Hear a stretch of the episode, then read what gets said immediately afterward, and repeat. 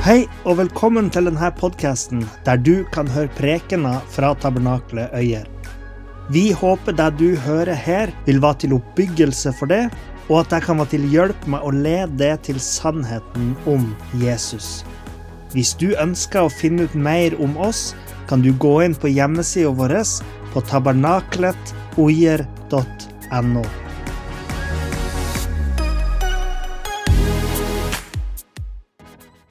Ja, kjære Jesus, takk at du velsigner som bedt er.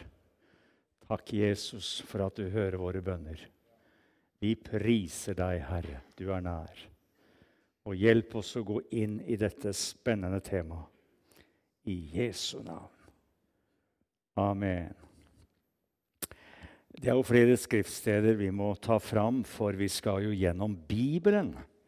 Bibelens røde tråd.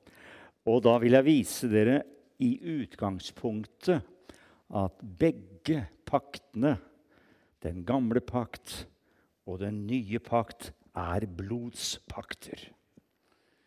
Da går vi inn i Hebrebrevet 9. Der står det i vers 18.: Derfor ble heller ikke den første pakt innviet uten blod.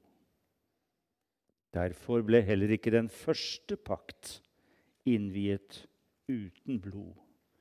Den første pakt er den gamle pakt, det gamle testamentet.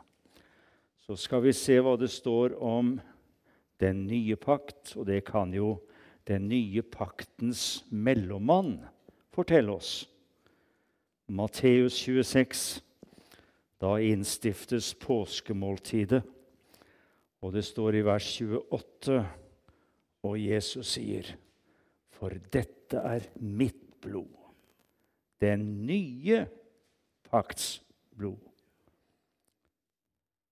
som utgytes for mange til syndenes forlatelse. Hva betyr pakt? Det betyr overenskomst. En avtale som blir gjort mellom to parter. Og blodspakter Du har noe også, vet du, i eh, pakter som er utenom de åndelige paktene. Men vi får holde oss til de åndelige paktene. Og jeg tenker den gamle pakt den var ennå ikke begynt, men det er som om Gud vil fortelle at blodet blir veldig viktig med tanke på soning og forsoning. For allerede i Det gamle testamentet, i Første Mosebok, kapittel 3, så må det vel være første gang et dyr må gi sitt liv. Her flyter nok blod, skjønner du. Det står ikke direkte. Men etter syndefallet så var de nakne. De oppdaget da sin nakenhet, Adam og Eva. Og det står i 3.21.: Herren Gud gjorde kapper av skinn til Adam. Kapper av skinn og hans hustru og kledde dem. Da tenker jeg, for at det skulle bli skinnkapper, skinnjakker på disse, så måtte et dyr slaktes. Her måtte det flyte blod. Og for at Gud skulle svøpe oss i frelsens kledebånd og i lovprisningens kappe, så måtte det flyte blod. Én måtte bli slaktet. Så du ser allerede her, og det er før pakten blir etablert. Men Gud viser flere symbolske handlinger hva han egentlig har på hjertet. Guds frelsesplan. Den går som en rød tråd gjennom hele Bibelen. Det vises i symboler, bilder, forbilder, metaforer. Og eh, går du til andre Mosebok kapittel 12 Vi gjør et kvantesprang her nå. Jeg kan ikke være for detaljert. Vi mista jo et møte òg. Dette var jo basert på fire møter. Skulle ha begynt i går. Men det var min skyld da, at vi ikke begynte før nå. Så vi må konsentrere oss litt i førsten her. Andre Mosebok 12. Der har vi forløsningen fra Egypt. Nå er Guds folk kommet ned til Egypt, og vi husker det var jo Jakob og hans familie som dro ned, møtte Josef. Hungersnøden var stor. Folket overlevde. Men nå skal de hjem til det forjettede land. De hørte ikke Egypten til. Egypten er et bilde på verden. Første sangen Åge Samuelsen skrev, hvilken sang var det? I Egyptens mørke før jeg vandret. Nummer én i Silderein. Det var før. I Egyptens mørke før jeg vandret. Og vi ser her, Nå skulle Herren fri dem fra Egypten. Og hvordan gjorde han det? Jo, Gud bestemte det skulle være en blodets forløsning. Det skulle skje ved blod. Og vi ser her at hver familie, vers 3, skulle ta seg ut et lam for hvert hus. Og dersom en familie er for liten til et lam, vers 3 og 4, da skal han og hans nærmeste nabo ta et lam sammen etter tallet på deres husfolk. Tenk disse små gruppene. De slaktet lammet sitt. Og vi vet at Gud sa at han ville se blodet i vers 13. Blodet skal være tegn for dere. Blodet på de husene hvor dere er, skal være til et tegn for dere. Når jeg ser blodet, vil jeg gå dere forbi. Intet dødelig slag skal ramme dere når jeg slår landet Egypt. Hvorfor blod? Blod er livets væske. For at blod skal flyte, så må livet ofres. Det må dø. Og blodets verdi er synonymt med det slaktede dyrets verdi. Offerets verdi uttrykkes gjennom blodets verdi. Derfor kunne ikke dyreblod til syvende og sist gi oss en evig frelse. Intet dyr hadde så høy pris. Derfor står det i Hebreerne 10,4.: Det er umulig at blod av bukker og kalver kan bortta synder. Men det står i 1. Peter 1, 19 om Kristi dyreblod. Pris på hans blod er lik hans pris. Den er evig. Men derfor så var dette en foreløpig befrielse. Det var en befrielse der og da. Det holdt ikke med ett lam engang. Ett lam for hver familie. Og var det små familier, så kunne de dele på dette. ikke sant? Og vi ser hvordan blodet blir en velsignelse. Men mange lam måtte her dø for at det skulle bli nok blod. Ett lam for hvert hus. Men noen naboer kunne dele. Så hadde Gud bestemt at den førstefødte sønn måtte gi sitt liv dersom blodet ikke var strøket på det øverste dørtreet og dørstolpene. Tersklene, da? Nei, ikke på tersklene. De kunne risikere å trå på blodet. Det var alvorlig. Må ikke trå på blodet. Men blodet symboliserte at Gud var rundt dem og over dem. Dermed så var de tatt vare på. Og morderengelen Det høres jo fryktelig ut, det språket her, men sånn var det i Det gamle testamentet. Men husk, det er metaforer. Det er metaforer på det som kommer. Vi kan heller si dødsengelen. Når han så blodet, så gikk han forbi. Tenk deg når det nærmet seg denne midnatten. Kanskje var det en førstefødt sønn der som var engstelig og redd, og hjertet banka. Far, må jeg dø i natt? Er vi gode nok? Det gjelder Gud og Hans hellighet. Vi er stakkars mennesker. Er vi gode nok? Jeg er så redd, far. Jeg har sånn angst. Gutten min, kom ut i gangen her. Der er døra. Har du malt karmene, far? Rødmaling? Nei, gutten min, det er blod. Vi har gjort som Gud har sagt. Vi stoler på Gud. Ja, jeg skjelver litt, jeg og gutten min, men vi har ikke noe annet å gjøre enn å stole på Gud, på det Gud har sagt. Vi har, vi har tatt blodet på det øverste dørtreet. Vi har eh, tatt blodet på dørstolpene. Vi stoler på at Gud holder ord. Gud er rettferdig. Halleluja. Jeg vil se blodet og gå forbi. Og det er bare én måte å unngå Guds dom på. Det er blodets forløsning. Hvordan vi skal bli kvitt våre synder, det er bare ved Jesu blod. Og hva står det i første Johannes 1,9? Dersom vi bekjenner våre synder, er Han trofast og rettferdig. Han forlater oss syndene og renser oss fra all urettferdighet.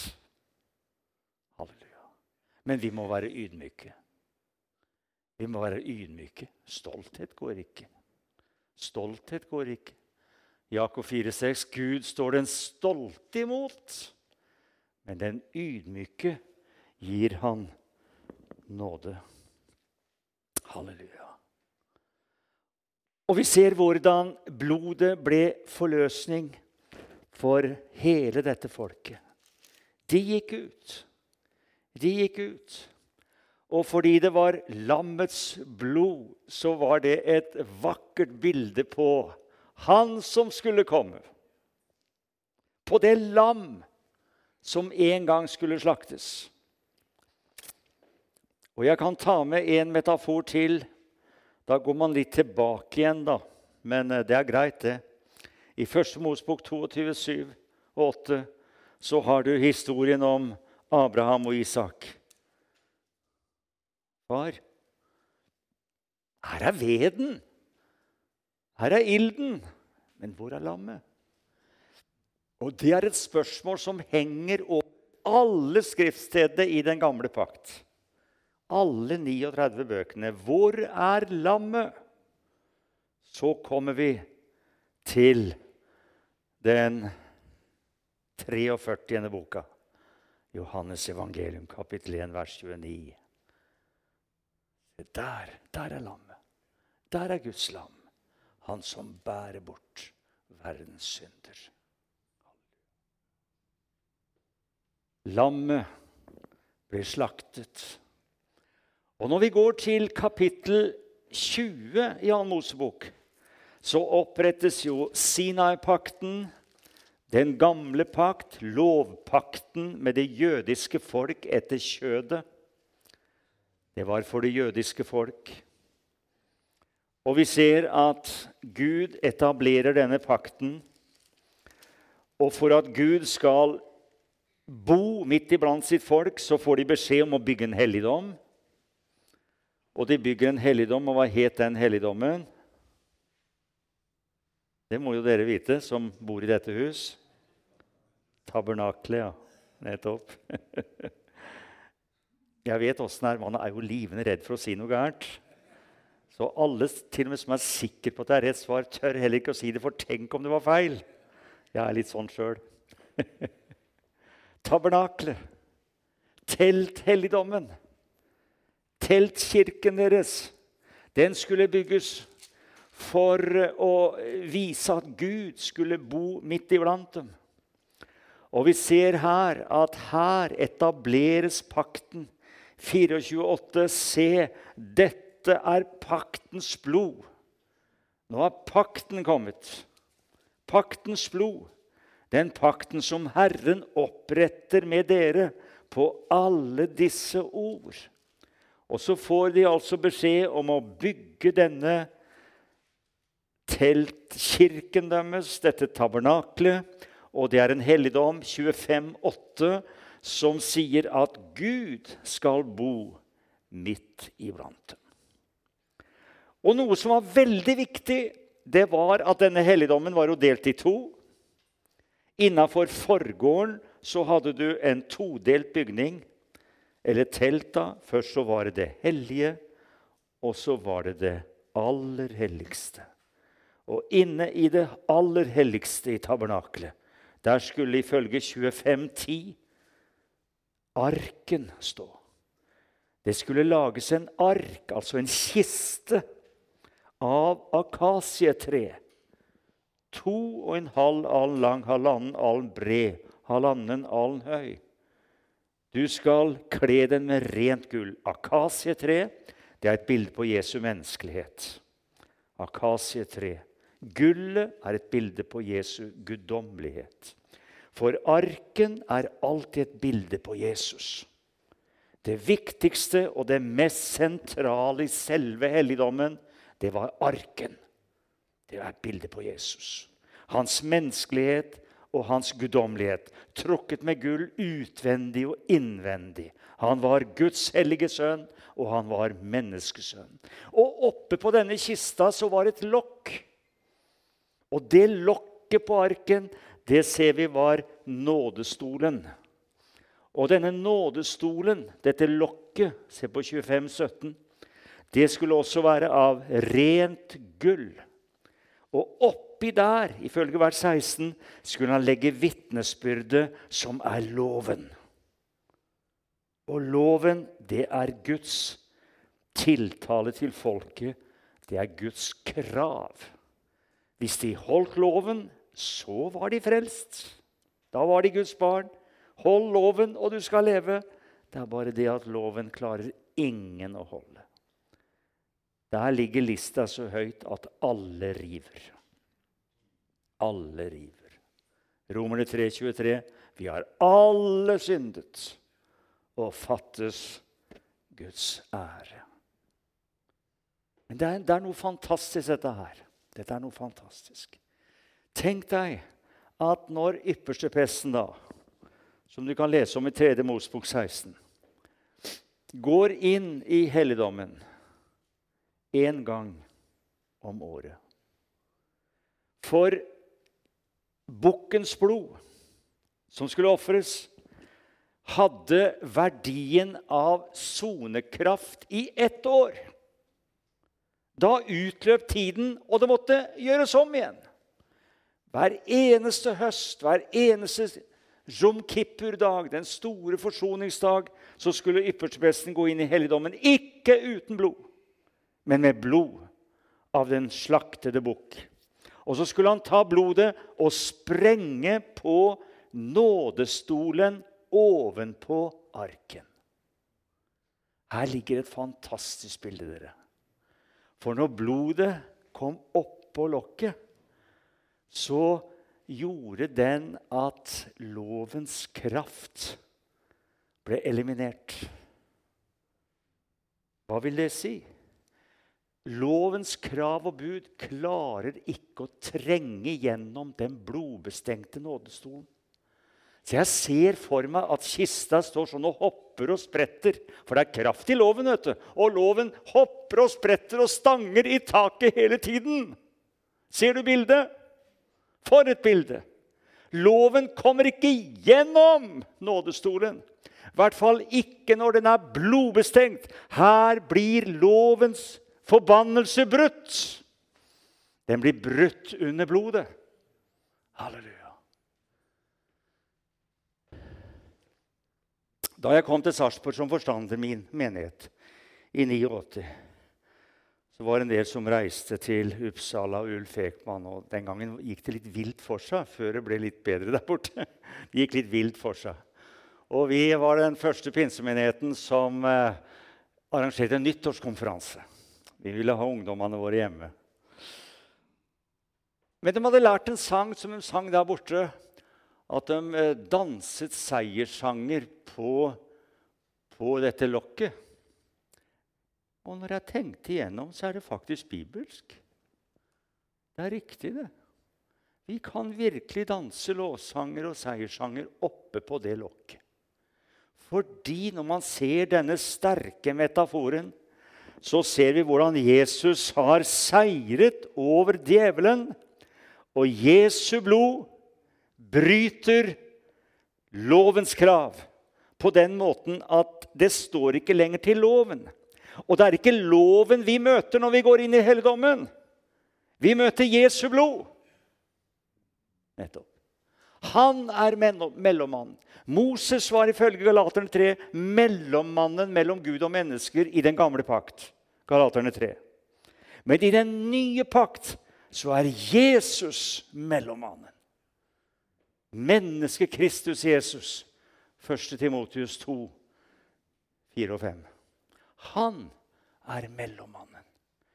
Og derfor kan vi med frimodighet kan vi gå inn i selve helligdommen. Kan vi virkelig det? Ja, fordi vi lever i den nye pakt. Vi er ikke under den gamle pakt. Den gamle pakt er opphevet. Du kan lese Den gamle pakt, Det gamle testamentet. Du kan lese det, bli velsignet, du kan møte Gud. Jeg husker Oddvar Nilsen, Husker dere Oddvar Nilsen, som var redaktør i Korsets Eier? Han talte ofte i Sarpsborg, for han var kamerat med Magne Tangen. Det er litt sånn kameraderi òg, vet du, i predikantflokken. I hvert fall før. Og Oddvar Nilsen han var rett som det var i Filadelfia. Og vi sa til hverandre Oddvar, nå kommer han til å preke fra Gamle testamentet, sa vi. Han var veldig til å preke fra Det gamle testamentet. Men han så det i det nytestamentlige lyset og kunne bære fram mektige prekener mektige tekster i nytestamentlig lys. Det var som en rød tråd igjennom det hele. Vi så forsoningen, vi så blodet, og det er så riktig. Og Her ser vi hvordan Gud i den gamle pakt møter folket fordi det er en blodspakt. Er en blodspakt. Tenk deg når vi skulle parkere før Det er vel ikke sånne parkometer i Øyer, er det det? Er det en bygd som er fri for parkometer? Det er jo enkelte steder. Har det bystatus Øyer? Nei, det er, en, det er en kommune uten bystatus. Skal du inn til Lillehammer, sikkert masse parkometer. Nå er det jo apper og alt dette her. Jeg som ikke er så praktisk, jeg har fått ned en app, jeg òg. Står og dreier rundt, og det er jo så lettvint. Men for noen år siden så puttet vi på penger. Gjorde ikke det? Vi la på penger. Ja, det gjorde vi. Putta på en krone og fem kroner. Og det holdt helt til verdien av femmeren var brukt opp. Da måtte vi enten flytte bilen eller putte på igjen. Men så var det to timer du kunne stå, da. Men det holdt liksom hvis vi bare snudde bilen og kjørte ned på hjørnet og kom tilbake igjen. Så kunne vi begynne på nytt. og så putta vi på igjen. Men det var en løpetid der, og så var tiden ute. Sånn holdt de gammeltestamentlige prestene på. De putta på et lam på parkometeret stadig. Det måtte nye lam til hvert eneste år.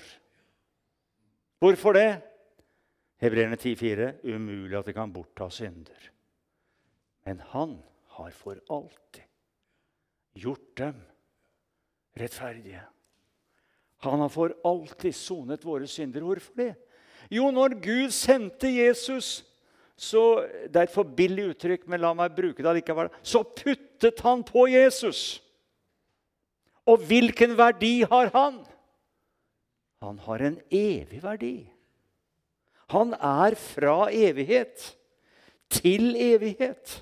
Så når Jesus på Golgata ble puttet på, for å si det sånn, så har han sørget for fri parkering hos Gud for all evighet.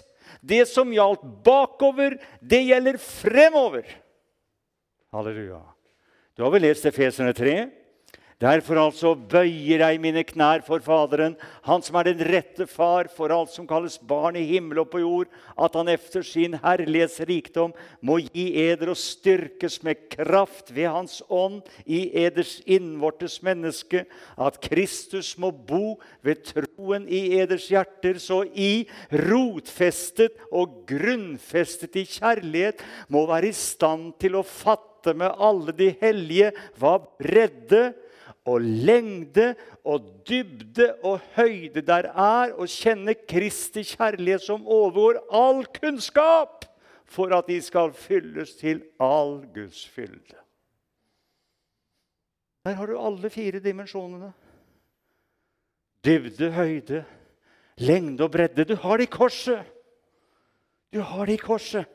Tenk deg at her er det avgrenset fordi det er en fysisk, fysisk gjenstand. Men det åndelige korset det fortsetter utover, nedover og oppover. Vi ser bare sentrum i Guds kjærlighet. Det tar ikke slutt.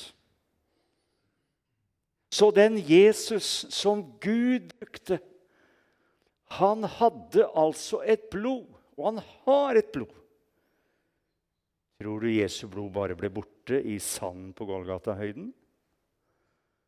Hebreerne 10 sier han bar sitt eget blod inn i en helligdom som ikke er gjort med hender. Det ser ut til, ifølge Hebreerne 10, at Jesu blod har Gud tatt vare på. Det er i himmelen. Sånn tolker jeg det. Jeg har aldri hørt noen ha sagt det, men det kom for meg i dag. Han som bar seg selv frem som et levende offer, et eget offer. Han bar sitt eget blod inn i himmelen. For der å åpenbares for Guds ansikt Hebreerne 10 er vi nå. For vår skyld. Og det er fantastisk, det Jesus gjorde på Golgata. Og du har stadig, så, så ser du den røde tråden den, den, er der gjennom hele Gamle testamentet, men plutselig stikker den litt langt ned i bakken. Omtrent som en sånn TV-kabel holdt jeg på som holder på hjemme i gatene våre. Så blir den borte, og der stikker den opp igjen. Get. Der stikker den opp igjen. Og jeg ser han stikker for opp og er veldig synlig i Jesaja 49, 16. Der er han så synlig. Se, i begge mine hender har jeg tegnet deg. Jeg hadde talt på et formiddagsmøte en jul for en del år siden. Det var i Philadelphia Mysen. Og jeg kom hjem. Og det lukter deilig julestek, og jeg tenkte her gjelder det å få av seg frakken. Inger og Anna middagen ferdig. Og så ringer det på døra. Ikke, ikke nå, tenkte jeg. Nå ville jeg ha fred. Men der sto nærmeste nabo. Ja. Skulle vi ikke dele lammet med nærmeste nabo når det var nødvendig? Der sto nærmeste nabo. Liv, koselig dame. Terje, svigermor, er alvorlig syk i kreft. Ja, det er veldig alvorlig. Spørs åssen det vil gå. Hun spør etter en prest. Jeg kjenner jo ikke prestene, Terje, men jeg sier jeg bor ved siden av forstanderen i Filadelfia. Ja, han vil jeg ha besøk av, hadde vel vært i en begravelse jeg hadde talt, eller et eller annet sånt. Og Jeg kommer opp der. Hun heter Else. Og jeg tenkte, kjære Gud, gi meg et ord. Hjelp meg. Så sier jeg, du Else, vet du at Gud Gud har en tegning av deg, sier jeg. Har han en tegning av meg, sier jeg. Sier hun. Ja, sier jeg. Se på hendene dine. Ja, se på hendene sine. Jesus hadde også hender. Han hadde to hender. Og det står i Jesaja 49, 16, Se, i begge mine hender har jeg tegnet deg. Gud har en tegning av deg. Du er tegnet i hans sårmerkede hender. Dypt inni sårmerkene, der er du. Og jeg kan be for deg, Else, du vil sikkert leve. Og hun var en gammel dame. Og vi vil jo alle leve. Det er naturlig. Gud har gitt oss livet. Men jeg kan be for deg Jeg kan be for deg på den måten at vi har tro for at Gud skal reise deg opp, helbrede deg. Men jeg vil i alle fall også be på den måten at uh, du får ta imot Jesus og bli frelst. Tro på Jesus og bli frelst og bli trygg for evigheten. Ja, sa hun, det vil jeg, sa Og jeg ba på den måten. 14 dager etter sto dødsannonsen i Sarpsborg Arbeiderblad. Tenk på det. Hun kom i tide. Og blodspakten, den er så sterk, den er så synlig, den er så tydelig. Og den går da som en rød tråd gjennom hele Det gamle testamentet. Så stikker den litt ned i bakken igjen og er borte en to-tre kapitler. Men så stikker den opp. Å, der er den tydelig. Der er den tydelig. Fra Jesaja 49 til Jesaja 53. Der er den tydelig. Tenk på vers 5. Sannelig, våre sykdommer har han båret. Våre smerter har han tatt på seg. Vi aktet ham for plaget, slått av Gud og gjort elendig. Inger og han og jeg, når vi er ute og kjører, så sier du kan vi ikke sitere noen skriftsteder sammen. Og vi tar det til hukommelsen. Vi tar det. Så starter vi annenhver gang. Hun har veldig lett for å starte med 'Han er såret for våre overtredelser'. Og jeg er med. Og vi siterer og kjører. Han er knust for våre misgjerninger. Straffen lå på ham for at vi skulle ha fred. Og ved hans sår har vi fått legedom. Halleluja. Og et annet et som også Inger Hanne ofte begynner med, det er 1. Peter 2, 24. Han som ikke sparte sin egen sønn. Nei, det er Romer 8, det. Jeg tok feil. Romer 8. Men gav ham for oss alle. Hvorledes skulle han kunne annet enn gi oss alle ting med ham? Og vi ser at blodstråden, den går igjennom hele den gamle pakt.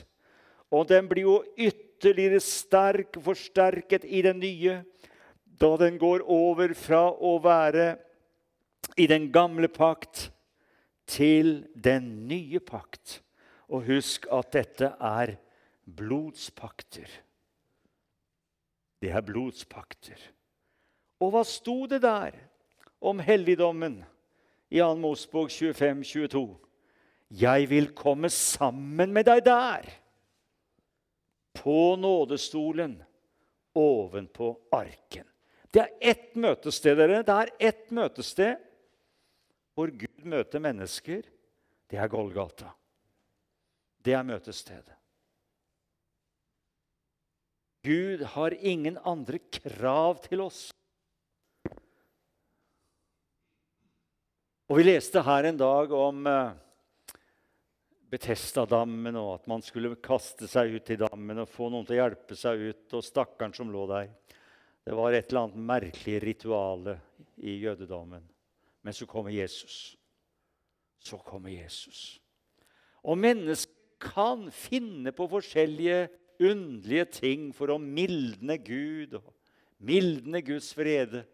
Det er ikke noe annet enn Golgata. En av disse kjente sangforfatterne han skrev stadig om Golgata. Jeg husker ikke navnet akkurat nå. Han skrev om Jesus på korset og Golgata. Og noen som rett og slett sa til ham du, Kan du ikke skrive om noe annet? Kan du ikke lage en sang om noe annet enn Golgata? Så satte han seg ned og ba til Gud og tenkte, kjære Gud, jeg må skrive en sang til. Enn en gang jeg synger vil om Golgata. Halleluja. Det er ikke mulig å bli kvitt det. Det er en sang i våre hjerter, dere. Det er en sang i våre hjerter. Derfor slo det an i meg åpningssangen her. Dyp, bred, hellig og mektig flyter Golgatas strøm til meg. Den stiger. Den vokser på sin vei. Og Gud er, Gud er nådens Gud, dere og han kan vi møte på nådens grunnlag. Og vi skal vite det at den Herre Jesus Kristus, når han gav sitt liv, så var det så dyrebart liv som måtte dø, at det behøver aldri å gjentas. Nei. Disse gjentagende offerhandlingene i den gamle pakt, Hebreerne 10,5, det er noe som forteller at det ikke var en fullkommen pakt når det stadig måtte gjentas. Da var det ikke fullkomment. Førte ikke fram til evig liv og rettferdighet. Det ble en påminnelse om synd. Men han har for alltid satt seg ved Guds høyre hånd. Hebreerne 10, litt uti der, fra vers 5 og nedover. Han har alltid satt seg der. Hvorfor det? Fordi han bar fram ett fullkomment. Sånn er Gud. Sånn er Jesus. Halleluja. Og jeg tenker på Thomas, dere, tvileren. Han som ikke var der på det første søndags kveldsmøte. Tenk om hadde søndags kveldsmøte to dager etter Jesu død. Den dagen han sto opp. Han møtte ikke opp. Det lønner seg å gå på møte, vet du. Du vet jo ikke hva som skal skje. Og her på dette møtet så hadde de andre kommet, men plassen til Thomas, den var tom. Men Neste søndags kveldsmøte, åtte dager senere, Johannes 20, 26, var disiplene hans igjen inne. Og Thomas var med dem. Halleluja. Da kom Jesus mens dørene var lukket. Mens dørene var lukket. Han hadde fått herlighetslegemet sitt. Kunne gå gjennom lukkede dører. Plutselig sto han midt iblant dem og sa, 'Fred være med dere.' Deretter sier han til Thomas, 'Rekk fingeren din hit og se hendene mine.' Tenk på det, dere. Se hendene mine. Rekk hånden din hit, legg den i min side. Vær ikke vantro, men troende. Thomas svarte og sa til ham, 'Min Herre og min Gud.' Spørs om han rakk å få gjort det, spørs om han fikk gjort det. Han ble så overbevist da han så sårmerkene. Og i sårmerkene kunne han sikkert putte fingeren. Nå var han invitert til Ja, men hadde Jesus fire eller fem sår? Hadde han ikke fire? Gå til kapittelet foran. Bare bla én side tilbake. Så ser du i kapittel 20, vers 34. Men en av soldatene stakk et spyd inn i siden på ham. Nå var han død, altså. Nå var Han død. Han døde i, i vers eh, ja, 30 og nedover. 33. Da så de han var død. Så stikker de altså et spyd inn i siden på ham. Straks kom det ut blod og vann. I den flenga blir Thomas invitert til å legge hånda si.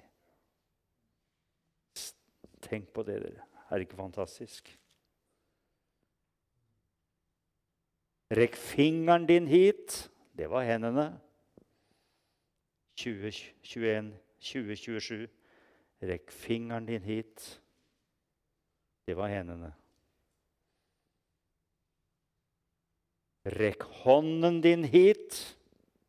Det var siden hans. Vær ikke vantro, men troende.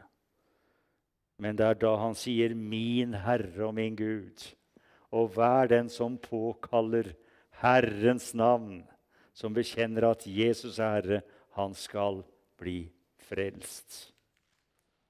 Så her ser du hvordan Gud møter dem. Hvis jeg sa 2034, så skulle det selvfølgelig være 1934. Det, skjønner, det så flere av dere. 1934, hvor soldaten stakk spydet inn i siden. Det kom ut blod og vann. Blodet er jo blodet til renselse. Vannet er ofte et symbol på både Ordet og Den hellige ånd. Så ut ifra Jesus til renselse og vann, åndens kraft, så vi kan vandre med ham, det kommer fra hans side. Det kommer ifra Jesus. Han gav seg selv for oss. Amen. Jeg sa jeg kommer fra en fotballby. Den pleier å legge til fem minutter. vet du. Så nå er jeg på fem minutter overtid. Så da er det på tide å stoppe der, vet du. Ja, dette var begynnelsen. Så ingen må gå hjem i pausa. Jeg, dere sitter, jeg har fotografisk hukommelse. Så eh, vi fortsetter etterpå, og vi gleder oss til fortsettelsen. Skal vi takke Jesus. Takk, Jesus. Halleluja. Og vi priser deg. Takk for Bibelens røde tråd. Vi priser deg. Den går gjennom hele Skriften. Noen steder usynlig, men den er der. Og så stikker den fram. Halleluja. Så dukker den ned igjen. Og så kommer den opp med kraft i Golgata-verket. I Jesus Kristus, som døde og oppsto for oss. I Jesu navn. Amen. Takk for at du hørte på. Hvis du tok et steg i tro i dag, eller du har noe du ønsker forbønn for, så vil vi gjerne høre ifra det via e-postadressen kontakt alfakrølltabernakletOyer.no. Du er òg velkommen til våre ukentlige gudstjenester i menighetslokalet i Haugskutua 5 26 36 Øyer.